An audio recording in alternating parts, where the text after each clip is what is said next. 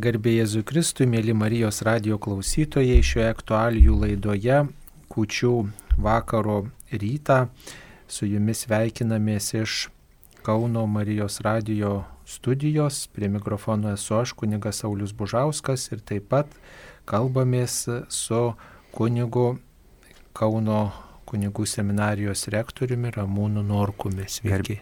Garbė Jėzui Kristui, mėly Marijos radio klausytojai.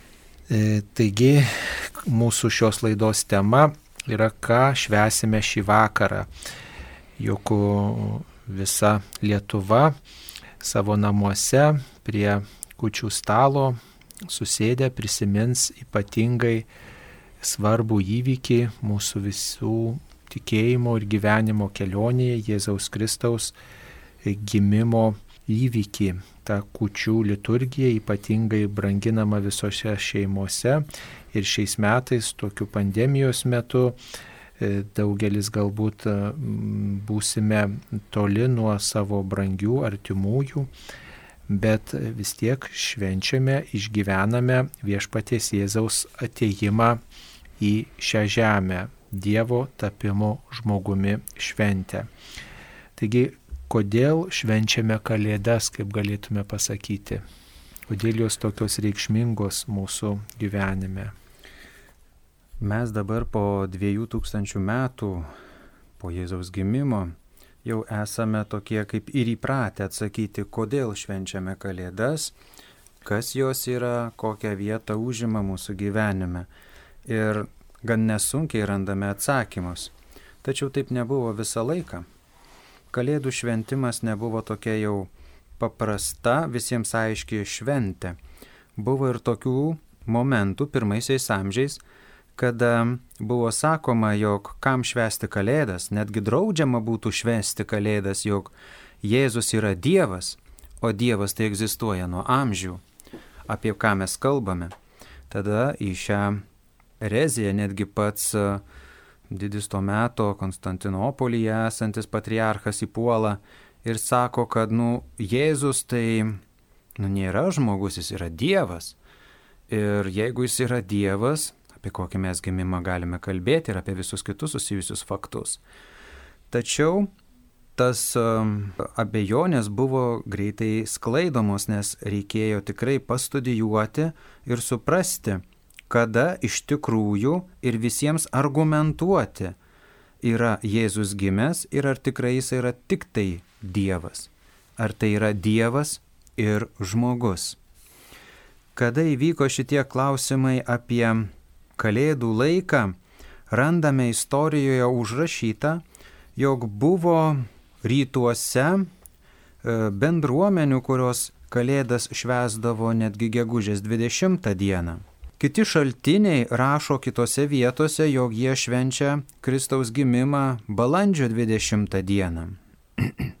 Dar kitur randame, jog švenčiama ši šventė yra lapkričio 17 dieną. Vakarų ir rytų sankirtoje buvo rasta, kad netgi švenčiamos kalėdos yra kovo 28 dieną. Taigi šita maišatis ir įvairiausi argumentai lėmė, kad turėjo susirinkti į susirinkimus viskupai, tuometiniai teologai, švento rašto žinovai ir kalbėtis apie šias įvairiausias iškylančias problemas, kur būdavo paliesta ir Kristaus gimimo data.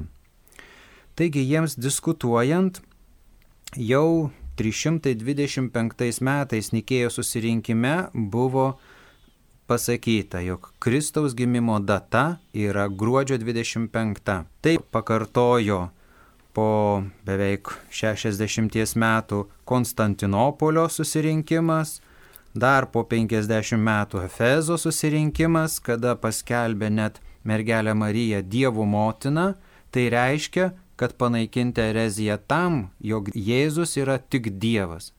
Jėzus yra Dievas ir žmogus prieimęs žmogaus kūną ir gimęs iš žmogaus iščių. Jeigu Jėzus Kristus yra gimęs iš žmogaus iščių, turime pilną teisę mes švęsti šventasias kalėdas, Jėzaus Kristaus gimimą. Taigi lygiai tą patį po to pakartoja po šimto metų ir Kalcedonijos susirinkimas. Dabar, skaitant e, socialinius tinklus, mes matome, jog ši problema yra dar gyva net ir šiandien. Katalikų bažnyčia, kai kurie žmonės kaltina, jog katalikai arba krikščionybė yra uzurpavusi pagoniškąją šventę Saulėgražą, kuri gruodžio 25 dieną prailgėja mūsų dienos. Ir reikia pripažinti, kad to meto žmonės nebuvo kokie žioplesni negu dabar. Jie tikrai domėjosi astronomija, jie matė, kad nuo gruodžio 25 prailgėja dienos, grįžta saulė, kaip e, šiais laikais yra mėgstama sakyti, kad e, sveikiname jūsų šventomis kalėdomis ir bijome įžeisti tarsi pagoniškąją žmonių dalį, nesakome, kad Jėzaus gimimą. Kalėdos lai būna tokios ant pusiau pusiau - Saulės grįžimas ir Jėzaus gimimas. Bet čia nereikia nieko bijoti. Dabar galiu pateikti Marijos radio klausytojams trumpą istoriją, kaip gimsta šita diena mūsų tradicijoje, nes jeigu mes neatsakysime į pagrindinį kalėdų klausimą, mums bus sunku kalbėti apie kūčių reikšmę. Žvelkime į šventą įraštą. Izaijo knygoje devintam skyriuje nuo pirmos eilutės sakoma taip.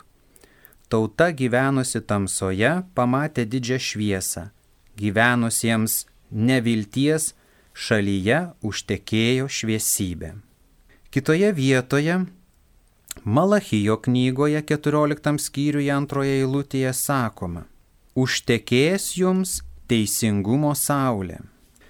Po to Jonas Evangelijoje 8 skyriuje 12 eilutėje parašys Jėzaus žodžius, o Jėzus sakė, aš pasaulio šviesa kas seka manimi nebevaikščios tamsybėse, bet turės gyvenimo šviesą. Taigi, tai yra bibliniai argumentai ir pasufleravimai biblistams susivokti, kada Jėzus gimsta. Kada atsisėdame prie rimtų studijų ir pradedame ieškoti Jėzaus gimimo dienos, mūsų žvilgsnis visuomet nukryps į Zacharyją. Tai yra kunigas, tai yra Jono krikštytojo tėtis ir jisai atlieka savo tarnystę šventykloje. Apie tai rašo netgi senieji seno e, raštai, kuriuos esame radę Kumrane, taip vadinami Kumrano raštai. Ir štai evangelistas pasakoja, kad Zacharijas priklausė abijos skyriui. Gerai, einame žiūrėti tada pagal žydiškųjų liturgijų e, sąstatą, kada abijos skyriaus kunigas atlikdavo apeigas. Ir mes matome, kad jie turėjo atlikti apeigas nuo 8 iki 14 dienos trečio mėnesio ir antrą kartą metuose atlikdavo apeigas nuo 24 iki 30 dienos 8 mėnesio eikime tolyn. Iš to, kaip abiejos skyrius atlikdavo apeigas ir iš aprašymo, kaip Jonui, kaip Zacharijui buvo apsireiškęs angelas Gabrielius ir pranešęs, jog gims tau sūnus, kuriam duosi Jono vardą, atsekame, kad tai vyko 24 dieną Birželio mėnesyje. Eikime tolyn. Taigi, antrasis Zacharyjo tarnystės laikas yra aštuntasis mėnesis. Žiūrėkime, kas vyksta tame aštuntajame mėnesyje. Mes turime apsireiškimą mergeliai Marijai, kuriai apreiškiama, jog tavo giminaitė Elsbieta jau yra šeštame mėnesyje. Ji laukėsi sūnaus. Ir Marija, aišku, nudžiunga ir eina jo aplankyti. Tai kada įvyksta tada tas Marijai apreiškimas? Apskaičiuojame, ir randame, jog tai vyksta Adar mėnesyje 31 dieną. Suvedam su mūsų kalendoriumi ir mes turime kovo 25 dieną. Ir jau čia didelių matematikų nereikia, dedam 9 mėnesius nuo kovo 25 dienos ir mes turime gruodžio 25 dieną. Taigi krikščionybė neozurpuoja Saulėgražo šventės, bet krikščionybė giliau suprato, ką reiškia Jėzaus užgimimas. Kad Dievas sukūręs visatą žino, kaip veikia planetos, kaip veikia Žemė, kaip veikia visakai ir pasiema tą vietą, kuri labiausiai atspindėtų jo misiją - Kristaus užgimimo misiją - atnešti viltį, atnešti šviesą, į šių dienų pasaulį. Taigi kalėdų datą galime pagrysti štai skaičiavimais tokiais gana tiksliais ir nustatyti tikslę ir pasakyti, kad iš tiesų Jėzus gimė e, būtent kalėdų dieną, gruodžio 25-ąją, kaip ir švenčiame štai visas krikščionių pasaulis. Tačiau Lietuvoje ir kai kuriuose kituose mūsų aplinkiniuose kraštuose švenčiamos ne tik tai šventos kalėdos, bet ir jau pradedama švesti išvakarėse kučių vigilyje, ta tokia ypatinga vakarienė kodėl štai mes šiame krašte švenčiame dar ir kučių vakarienę su tais, tokio, tais ypatingais papročiais, tradicijom, kurias perdodame kartą iš kartos. Ši tradicija kyla iš to, kad kiekvienai šventėjai krikščionybėje yra pasiruošimas, kitaip vadinama būdėjimas arba vigilija. Ir kiekviena šventė turėdavo o kai kuriuose rytuose ir dabar turi labai iškilmingas laukimo vigilijas. Tai reiškia, kad rytoj bus šventė, o iš vakaro yra eilė, na kaip pasakyti dabar, šių laikų žodžių, sakyčiau, katechezių, mokymų, pamokslų, apmąstymų, na kaip tokios tarsi mini rekolekcijos, kad mes suprastumėm, kokia didinga šventė artėja. Čia bet kurią galime, net ir tą pačią Jono Krikštytojo šventės gimimą, ar tai Marijos kokio šventės proga, susirenka žmonės ir pradžioje apmasto. Tikrai esu buvęs pakviestas į parapiją, kuri švenčia savo titulo iškilmę, bet iš vakaro renkasi žmonės pasiklausyti atvykusių svečių kurie kalba apie jų bažnyčios titulo prasme, iš kur kyla, kokia dvasinė reikšmė. Taigi ir kūčios kyla iš tos inercijos.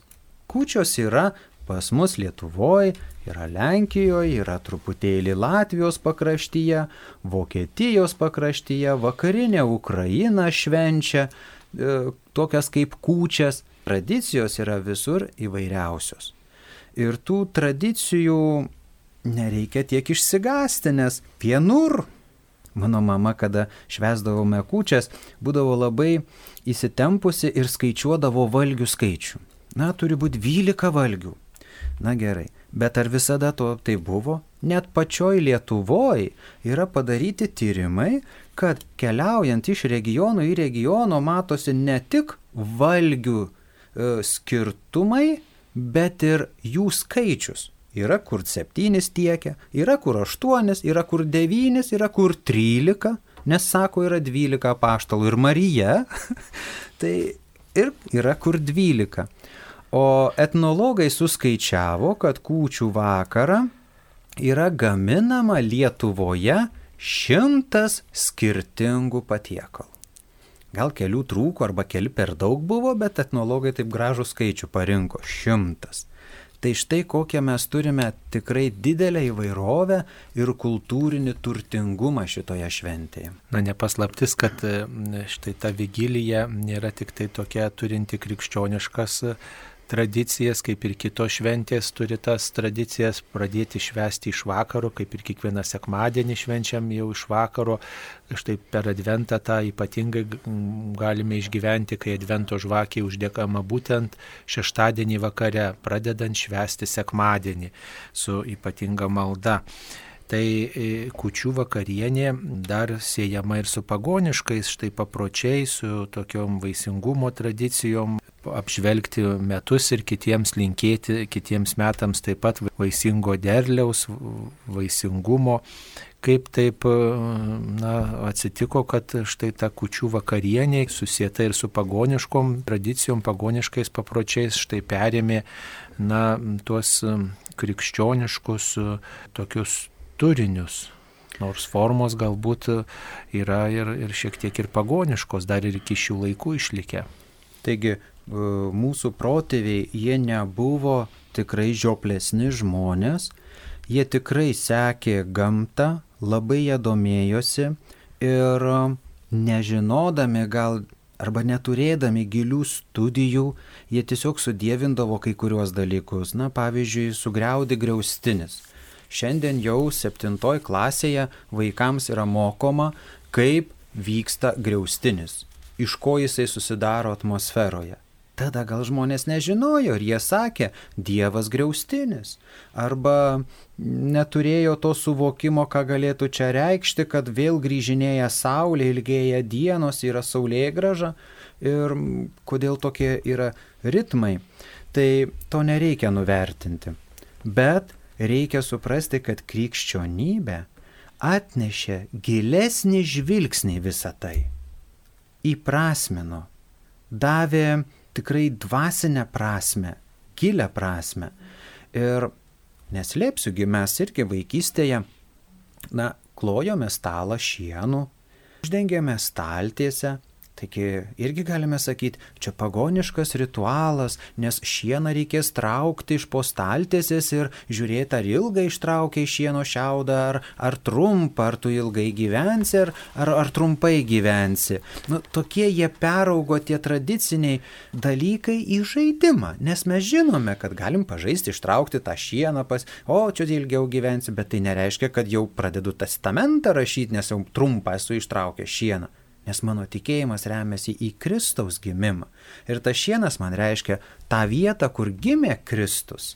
Ar kokie nors kiti ten pabūrimai, ar tu ištekėsi greitai, ar paliksi namus, ar, ar, ar, ar būsi turtingas. Jeigu žmonės paima šitą šieną nuo kūčių vakaro ir nuneša į savo tvartus, ten kur stovi galvijai, pakreikia ten ar duoda pavalgyti tiesiog prašydami Dievo, kad e, saugok mano kaimenę, kad ji būtų vaisinga, kad neštų pieno daug ar dar ko.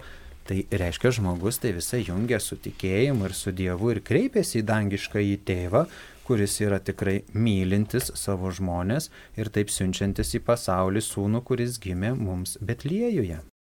Na, šiais laikais turbūt tas pagoniškumas yra likęs tame, kad mes susikoncentruojam ne tiek į šio šventės prasme, ne tiek į, į dvasinį turinį, bet į, į tą patį valgymą, į, į tuos patiekalus. Ir būtinai tų patiekalų turi būti labai daug ir visada žmonės persivalgo per kučių vakarienę ir mm, sako, negi mes čia dabar sėdėsim pasidėję silkės uodegą prie stalo, arba ten jau mes tokie vargšai, kad jau dabar negalim ne šventės iškilmingai švęsti. Tai mes turbūt šitam krašte koncentruojamės į tuos valgius ir pasigirsta, kad mes, mums banalūs tie valgiai, kuriuos valgė mūsų seneliai, protėviai ir dabar, iškiai, įmantrus tie visokie patiekalai, ypač turtingesniuose namuose yra.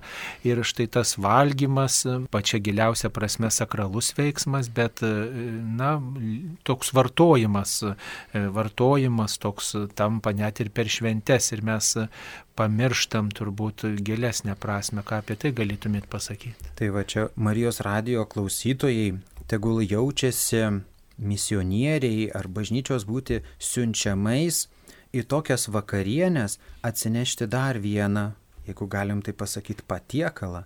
Tai kalėdaičius ir rankoje laikyti Bibliją. Ta vakarą, kada mes susėdame prie stalo, mes visi suprantame, ar tikime ar ne, jog tas vakaras yra kitoks tas valgymas vis tiek yra kitoks, nors susirinko draugai, dabar pandemijos metu taip neįvyks, bet kada baigsis pandemija vėl susirinksit. Ir tas persivalgymas tikriausiai atėjo todėl, kad jūs visą dieną stengiatės, na, užlaikyti pasninką, mažiau, tik tai užkasti, mažiau valgyti ir vakare susėdę tame džiaugsme Gali būti, kad kol to 12 valgių išragauji, žiūri, kad jau sunkiai nuo to stalo keliesi. Bet visa te būna, visose šeimose te būna žmogus, kuris pradžioje vakarienės, surinkęs visą šeimą aplink stalo, paskaitytų šitos šventės prasme. Te paskaito Jėzaus gimimo ištrauką iš šventojo rašto šiais laikais internetas pilnas yra įvairiausių maldų, kurios yra kalbamos kūčių vakarienės metu.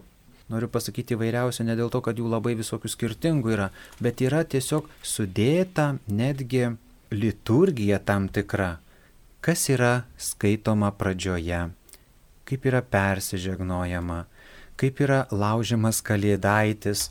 Ir linkint visiems prie stalo esantiems Dievo palaimos, Dievo padėjimo, gilesnio tikėjimo, kuris atneštų mūsų darbams didesnio vaisingumo, prasmingumo, atsidavimo, meilės.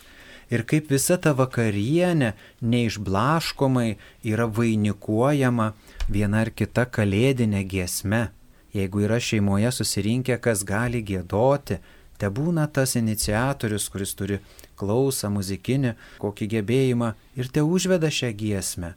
Tai štai tokios kūčios pavalgytos turi didžią reikšmę, kada visi pradeda iš namų plūsti į vėlyvasias mišes, kurios yra vadinamos piemenėlių mišios.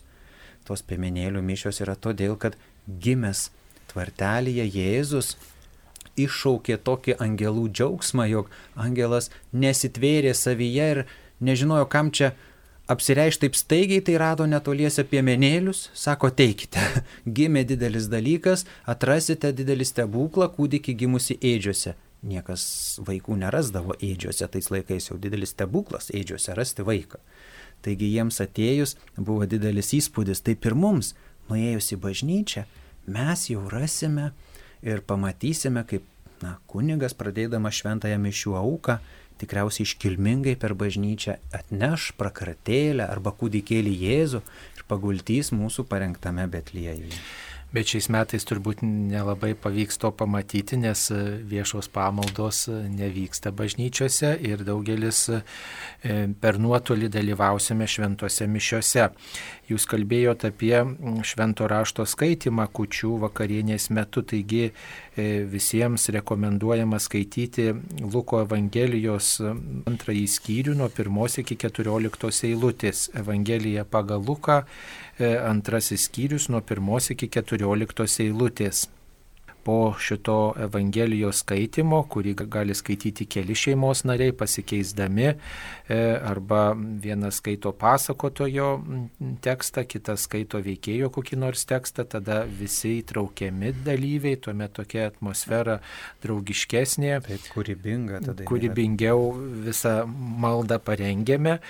Na ir tada mm, galima palaiminti stalą, bet taip pat galima prijungti ir tokią atsiprašymo maldą. Štai vieną tokį pavyzdį galime jums ir pasiūlyti. Gailestingasis viešpatie, prieš linkėdami vienas kitam gražiausių dalykų atsiprašome už visą iš mūsų širdžių išėjusi blogį, už perdėtą savęs meilę ir apsileidimus už puikybės padarinius, vertusius save aukštinti, o kitus žeminti ir kažko bijoti, už visą tai, kuo įžeidėme tavo begalinį gerumą ir tavo mylimus žmonės, ypač mums brangius artimuosius, šį vakarą čia susirinkusius ar esančius toli nuo mūsų. Štai. Galėčiau tą progą dar ir vieną maldą jums pasufleruoti, kurią Marijos radio klausytojai išgirs per radiją, bet galite internete atsisukti šią vietą, galite nusirašyti e, leisdami tai jinai labai tinka šios pandemijos dar metu. Arba tą atsiprašymą, kurią kunigo Sauliaus buvo ką tik recituota, arba dar galite ir tokią. Viešpatie Kristau, atnešęs žemiai džiaugsmą ir išganimą. Laimink visus, didelius ir mažus, sveikus ir ligonius, liūdinčius ir besidžiaugiančius, čia susirinkusius ir negalėjusius atvykti. Būk jų ramintojas ir globėjas, teik mums viltį bei stiprybę. Mūsų čia surinkusiems įkvėpk krikščioniškos meilės bei vienybės dvasę, kad visur ir visuomet jaustumėmės vieningi per tave ir su tavim. Amen. Tada tinka sukalbėti poterius, kaip sakoma, tėvė mūsų, sveika Marija, garbė Dievui malda, tada tikiu Dievą tėvą galima sukalbėti ir amžiną į atilsį už mirusius šeimos narius ir už visus mirusiuosius ir mm, e, tuomet paprašyti, kad Dievas palaimintų šitą stalą, kurį jūs pasiruošėte, palaimintų šitas gerybės, kurias galite valgyti, kurias turite iš ko e, padėti ant stalo, koks tas kučių stalas bebūtų. Ir po palaiminimo tada laužomas kalėdaitis, jeigu yra vyriausias šeimos narys, tai jis padalina arba paduoda gabalėlį kiekvienam arba paduoda atskirą kalėdaitį iš lėkštutės. Ir tuomet kiekvienas gali pasakyti polinkėjimą kitiems šeimos nariams ir tada tyloje geriausiai tas kalėdaitis suvalgomas ir tuomet valgomi kiti patiekalai, kuriuos jūs esate pasiruošę. Aišku, kai kurie sako, ar galima tuo metu žiūrėti televizorių, ar galima tuo metu juokauti, klausytis muzikos. Tai čia e, mūsų krašte toks yra išskirtinis paprotys - ramybės laikas, kada valgome ramiai, e, be įtampos, bet kažkoks triukšmas tuo metu nėra įprastas, nors kitose kraštuose turbūt yra daug ir tokio šurmulio bet turbūt kaip tuose namuose priimta, tokio papročio geriausia ir laikytis. Aišku, e, tas toks e, džiugumas, ramybė tokia duoda savo nuotaiką. Na, e, dar norėjau klausti apie tuos ženklus, kurie nepaprastai svarbus yra tą dieną ir galėtume gal pakomentuoti. Kai kuriuose kraštuose štai mūsų Lietuvoje ant to šieno, kuris štai padėtas ant stalo arba ant lėkštutės arba šiaip paklotas šienelio, kryžius nestatomas, o guldomas. Ar teko girdėti tokią tradiciją?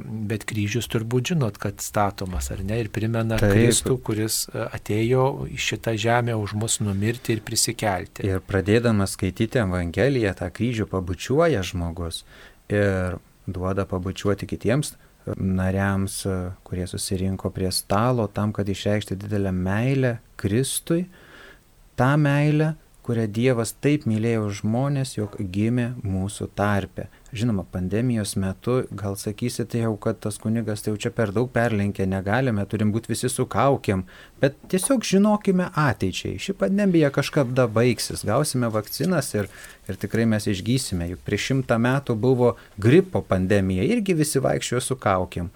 Tai kiekviena matyt karta turi kažkokį va išbandymą. Turbūt jau jeigu tie šeimos nariai susirinko, gyvena tuose namuose kartu ir, ir, ir, ir valgo, tai turbūt tos kaukės jau nėra būtina, jau labiau, kad valgomi įvairūs patiekalai. Na tai tas kryžius štai kai kuriuose kraštuose yra pastatomas mūsų tėviniai Lietuvoje, kai kas paguldo ant šieno, tuo, tuo labai gražiai išreiškia tą Dievo ateimą į paprastumą, į šitą žemę. Na aišku, kalėdaičiai būtina ženklas šito vakaro, e, kaip įsikūnyjimo ženklas, palaiminta duona ir taip pat uždegta žvakė, kuri primena prisikėlusio Kristaus šviesą. O kodėl e, štai tie valgiai tokie pasninkiški ir pagal senus papročius jie būdavo tokie labai paprasti. Aišku, kai kurie dabar gal įmantrius tuos valgius turi, bet šiaip senoji tradicija liūdija, kad tie valgiai būdavo paprasti. Tikrai Čia yra susijęta labai gražiai su Kristaus gimimu tvartelėje, Betlėjuje. Tai yra Kristus gimsta uh, varge nu, neturi niekur, niekur kur priimti, tai tvarte ant ėdžių. Karalių karalius turėtų gimti, atrodo, kažkokiam soste, kažkokio tai didelėje menėje, ne, jis gimsta tvartelėje. Taigi ir šitie valgiai pasninkiški kodėl? Todėl, kad e, žmonės atsineša į, tai yra suruošia kūčių vakarienį iš to, ką jie atsinešė iš Dievo dosnumo. Žodžiu, Seniau buvo ūkininkai, kaime gyvenantys žmonės, kažką auginantis, tų miestų mažai te buvo, kad taip visiškai nieko neaugintų, bet užsiaugino kažkas žuvį, pagavo atsinešė žuvį, užsiaugino kažkas grūdus, kažkas, nu, dar kitus. O jei vištas, pavyzdžiui, augina vištą atsinešė. Tuo metu laikydavo, kad visus, kurie vaikštinėja, palieka šone, nes jie maitinasi tuo maistu.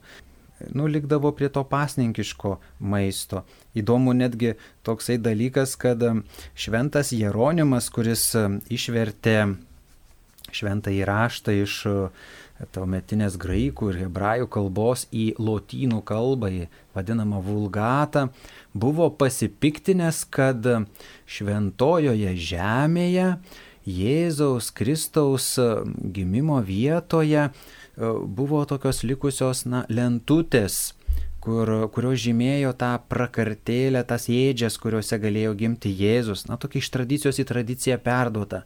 Ir ėmė vieną kartą ir padarė jas sidabrinės, kad mūsų karaliui pagerbti patį geriausią, ką mes turim. Šventas Jeronimas tada piktinasi ir savo homilijoje sako, kaip jie galėjo tai padaryti. o tos prakartėlės, tos ėdžios irgi turi savo istoriją. Netgi kelios lentutės yra Italijoje, Romoje, Marijos bazilikoje ir popiežius Sikstas V 1585 metais paprašė, kad tas relikvijas arba tas lentutes, kurios likusios nuo Jėzaus ėdžios, padėtų netgi po altoriumi. Ir tenais tebėra dabar klūpantis Pijus IX, kuris mergelę Mariją e, paskelbė dogmą nekaltai pradėtąją. Gal galima pasakyti, iš kur ta tradicija pareina apie tas ėdžias ir prakartėlės. Šventasis Pranciškus 1223 metais Grečios vietovėje, kaimelyje, Italijoje, ant altoriaus mišių metu paima ir padaro tokią mini inscenizaciją, kaip galėjo atrodyti tais laikais, kai gimė Jėzus. Turėjo būti Marija, turėjo būti Juozapas, kūdikėlis Jėzus, gyvulėliai, piemenėlis ir tada buvęs diakonų šventasis Pranciškus pasako pamokslą apie tai, ką jis čia padarė. Ir pranciškonai vienuoliai išneša šią žinę į visą pasaulį. Ir štai mes turime prakartėlės, bet lėjukus ir štai kodėl mes turime tą neraugintą duoną, vadinamą kalėdaičiais, ant savo stalo, jie yra pašventinti bažnyčioje tam, kad žmogus prisimintų, jog anoji tauta, pažadėtoji Dievo tauta, ėjo per dykumą iš vergovės į Dievo pažadėtąją žemę ir negalėjo turėti raugintos duonos, nes jinai sugestų, turėjo neraugintos duonos. Tai ta duona žymi mūsų išėjimą iš mūsų vergystės, nuodėmė, prisirišimą arba tai, kas tolina nuo Dievo į kelionę arčiau Dievo. Tas, kuris gimsta, Jėzus Kristus, arčiau šventųjų mišių, šventos Euharistijos. Teko girdėti, kaip um, Vilniaus arkivyskupas liudijo, jog yra žmonių, kurie sako, na kaip dabar aš neteisiu per kalėdas į šventasias mišes. Taigi aš visada metuose Du kartus esu pasiryžęs dalyvauti šventose mišiuose per Kalėdas ir Velykas.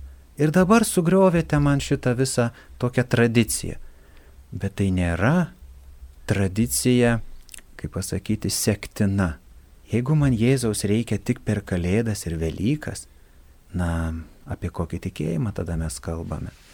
Čia ir yra, kad Jėzus ateina į mūsų kasdienybę, į mūsų, na, tą laiką, kada mes gyvename ir labai paprastai. ir tuo pačiu labai didingai, nešant didelės Dievo malonės. Tai jeigu tikrai aš tai suprantu, aš noriu su tavim Jėzau būti kas sekmadienį. Kiti žmonės sako, aš noriu būti kasdieną su tavim.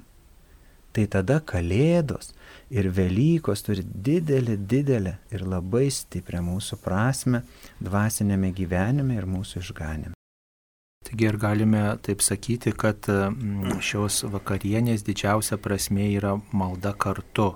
Malda mm, taip. su šeimos taip. nariais, nes Dievas atėjo į žmonių šeimą, gimė iš žmogaus ir gimė šeimoje ir tiesiog, kad mes tikrai skirtume daugiau laiko šiandien ne tam, kad prikeptume visokių gerybių kučių vakarieniai, bet tam, kad mes pasiruoštume štai tai maldos liturgijai, kuri bus švenčiama su šeimos nariais, su kartu gyvenančiai šeimos nariais. Taigi, ar jūs skaitysite Evangeliją, ar jūs galbūt neturėdami švento rašto, ar ne, negalėdami atsiversti, galbūt paskaitysit kokią kitą maldą savo nuožiūrą, pavyzdžiui, kad ir kokią litaniją paimsite bet kad skirtumėt laiko maldai su šeimos nariais kartu, kad bent šį kučių vakarą jūs galėtumėte melstis drauge ir na, išgyventi neskubėdami tą momentą, kada visi kartu melžiamės ir, ir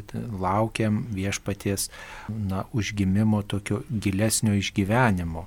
Ir turbūt šie metai mums ypatingai moko kad mm, esame kviečiami ne tik tai melstis bažnyčioje, bet ir atrasti tą šeimos maldą, kaip jūs manote.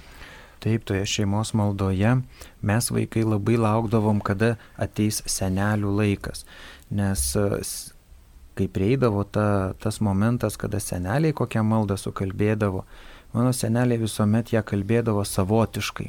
Nekalbėdavo tėvė mūsų sveika Marija, bet jie kalbėdavo iš savo patirties. Dėkodavo Dievui, Kartais net ta malda pereidavo į tokį pasakojimą, ką šiais metais reiškia jiems tikėti, kaip tai gal buvo sunku, arba atsiprašo viens kito.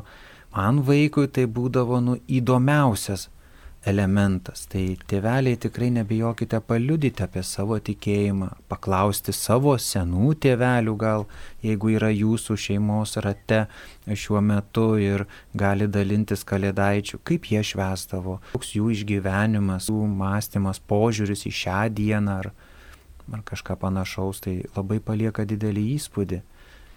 Taigi, mėly seneliai, mėly tėveliai, ypatingai kreipiamės į Jūs.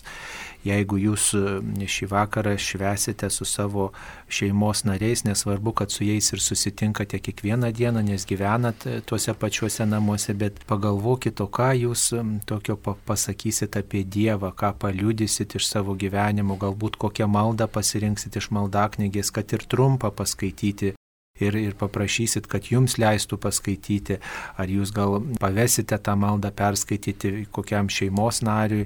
Žinokit, šita tokia tradicija, šitas toks paprotys, šitas gestas gali pažadinti tokią gilesnę tikėjimo patirtį jūsų vaikams ir jūsų vaikaičiams, jūsų anūkams, nes jie neprisimins turbūt, kiek valgių buvo ir kokie tie valgiai buvo po daugybės metų, bet prisimins šitą maldos nuotaiką, prisimint šitą jūsų tikėjimą, kurį jūs išgyvensite šituo metu, jūsų liūdėjimą, gal ir net tų žodžių neprisimins, bet su kokia nuotaika, su kokiu rūpestingumu jūs liudijot štai mm, apie Dievą. Ir ką žino, ar mes besulauksime kitų šventų e, kalėdų, e, ar mes galėsim vėl visi vadraugėt, kaip dabar jūs klausotės, o mes kalbame, nežinome, kas mūsų laukia, bet mes dabar turim ypatingą tokią galimybę vis dėlto patys pasirinkti, giliau išgyventi tą krikščionišką tikėjimą ir to pamokyti kitus. Ir pažadinti kitų žmonių širdyse Dievo artumo patirtį, Dievo ilgesio patirtį. Taigi netiek svarbu, ką mes valgysime šį vakarą, svarbu aišku nepersivalgyti, turbūt tai būtų pagrindinė taisyklė. Ir kartu pasninkų tai reiškia tokiu atsisakymu truputėlį laukti viešpaties gimimo iškilmės Bet mm, tai daug svarbiau yra iš tiesų ilgėtis Dievo, daug svarbu parodyti tokią pagarbą tam žmogui, tokią meilę kitam žmogui, su kuriuo jūs esate šalia šį šventą vakarą. Ir galbūt jūs paskambinsite, jeigu esate vieniši kažkokiem žmonėms, savo artimiesiems, kurie dėl pandemijos negalėjo atvykti į jūsų namus. Tikrai nenubraukit ašaros, kad štai viskas blogai arba kad jūs vieni, jūs tiesiog pagalvokit, už ką jūs esate dėkingi šį vakarą Dievui už ką jūs esate dėkingi šiuo sunkiu metu, kuo jūs galite pasidžiaugti Dievui. Ir jeigu ir nėra galimybė susisiekti, jūs tiesiog išvardinkite tuos žmonės, štai žiūrėdami į kryžių, prie to švento stalo atsisėdę, išvardinkite tuos žmonės, kurie jums gerą darė visus šiuos metus, o gal ir per visą gyvenimą vieną kitą prisiminsite. Ir tikrai va toj maldoj paveskite tuos žmonės Dievui, tai tikrai išgyvensite džiugų Dievo artumą, tokį gerumą, jis vindys jūsų širdis ir gal suvalgysite tik tai kalėdaitį ir kažkokio kito maisto truputėlį, bet būsit sotus nuo to gerumo, kurį jūsų tikėjimas, išgyventas tikėjimas jums pažadins. Na, o ką mes dar pamiršome priminti apie šį vakarą? Reikėtų gal priminti klausytojams, kad šį vakarą po kūčių vakarienės tikrai susiburkite ir prie televizoriaus. Ir ten pamatysite tiesioginę transliaciją, tai iš Vilniaus arkikatedros pamatysite transliaciją popiežiaus arba gal anūkai per internetą jums paleis tiesioginėme eteryje, tai nu, tiesioginėme ryšyje e, kokia tai transliacija iš kokios gal parapijos ir tikrai vienykitės į tą dvasinę šventos komunijos prieimimo vienybę. Kartu melskimės ir Auginkime ilgesi viešpaties Jėzaus, nori, kurį norime susitikti ir čia žemėje, ir po mūsų mirties. Tai visuomet turėkime tą viltingą žvilgsnį. Jėzus Kristus čia yra centras. Jėzus Kristus yra mūsų viltis. Ir nepamirškit, kad kai tik tai bus galimybė, tikrai esat kviečiami palikti tą nuotolinį dalyvavimą šventose mišiuose ir dalyvauti gyvai. Dabar negalėsime šiuo metu, bet tegul tas ilgesys gyvo mhm. susitikimo su Dievu per šventą komuniją, per tą gyvą dalyvavimą mišių aukoje, tegul tikrai mūsų širdyse išlieka, kai tik tai bus galimybė gyvai švesti viešpaties artumą per sakramentus, tikrai tuo pasinaudokime. Taigi nepamirškim pasiruošti atsakingai maldai, rūpestingai pasiruošti tam, kad galėtume iš tiesų patys išgyventi ir kitus paskatinti Dievo artumui. Ir aišku, po kučių vakarienės nepamirškim padėkoti. Padėkoti už gyvenimą, padėkoti už tai, ką Dievas davė šį vakarą ant šio stalo, padėkoti Dievui už daugybę dalykų ir tiesiog pasidžiaugti, kad sulaukime dar vienų šventųjų kalėdų. Visiems gražios vakarienės, visiems gražių šventų kalėdų, tegul viešpaties artumas lanko jūs šiomis dienomis. Šioje laidoje, mėly Marijos radio klausytojai, jums kalbėjo Kauno kunigų seminarijos rektorius Ramūnas Norkus ir aš kunigas Saulis Bužauskas. Būkite palaiminti. Gražaus ir švento laiko visiems šeimoje ir kartu su Jėzumi. Garbėjai Jėzui Kristui. Per amžius amen.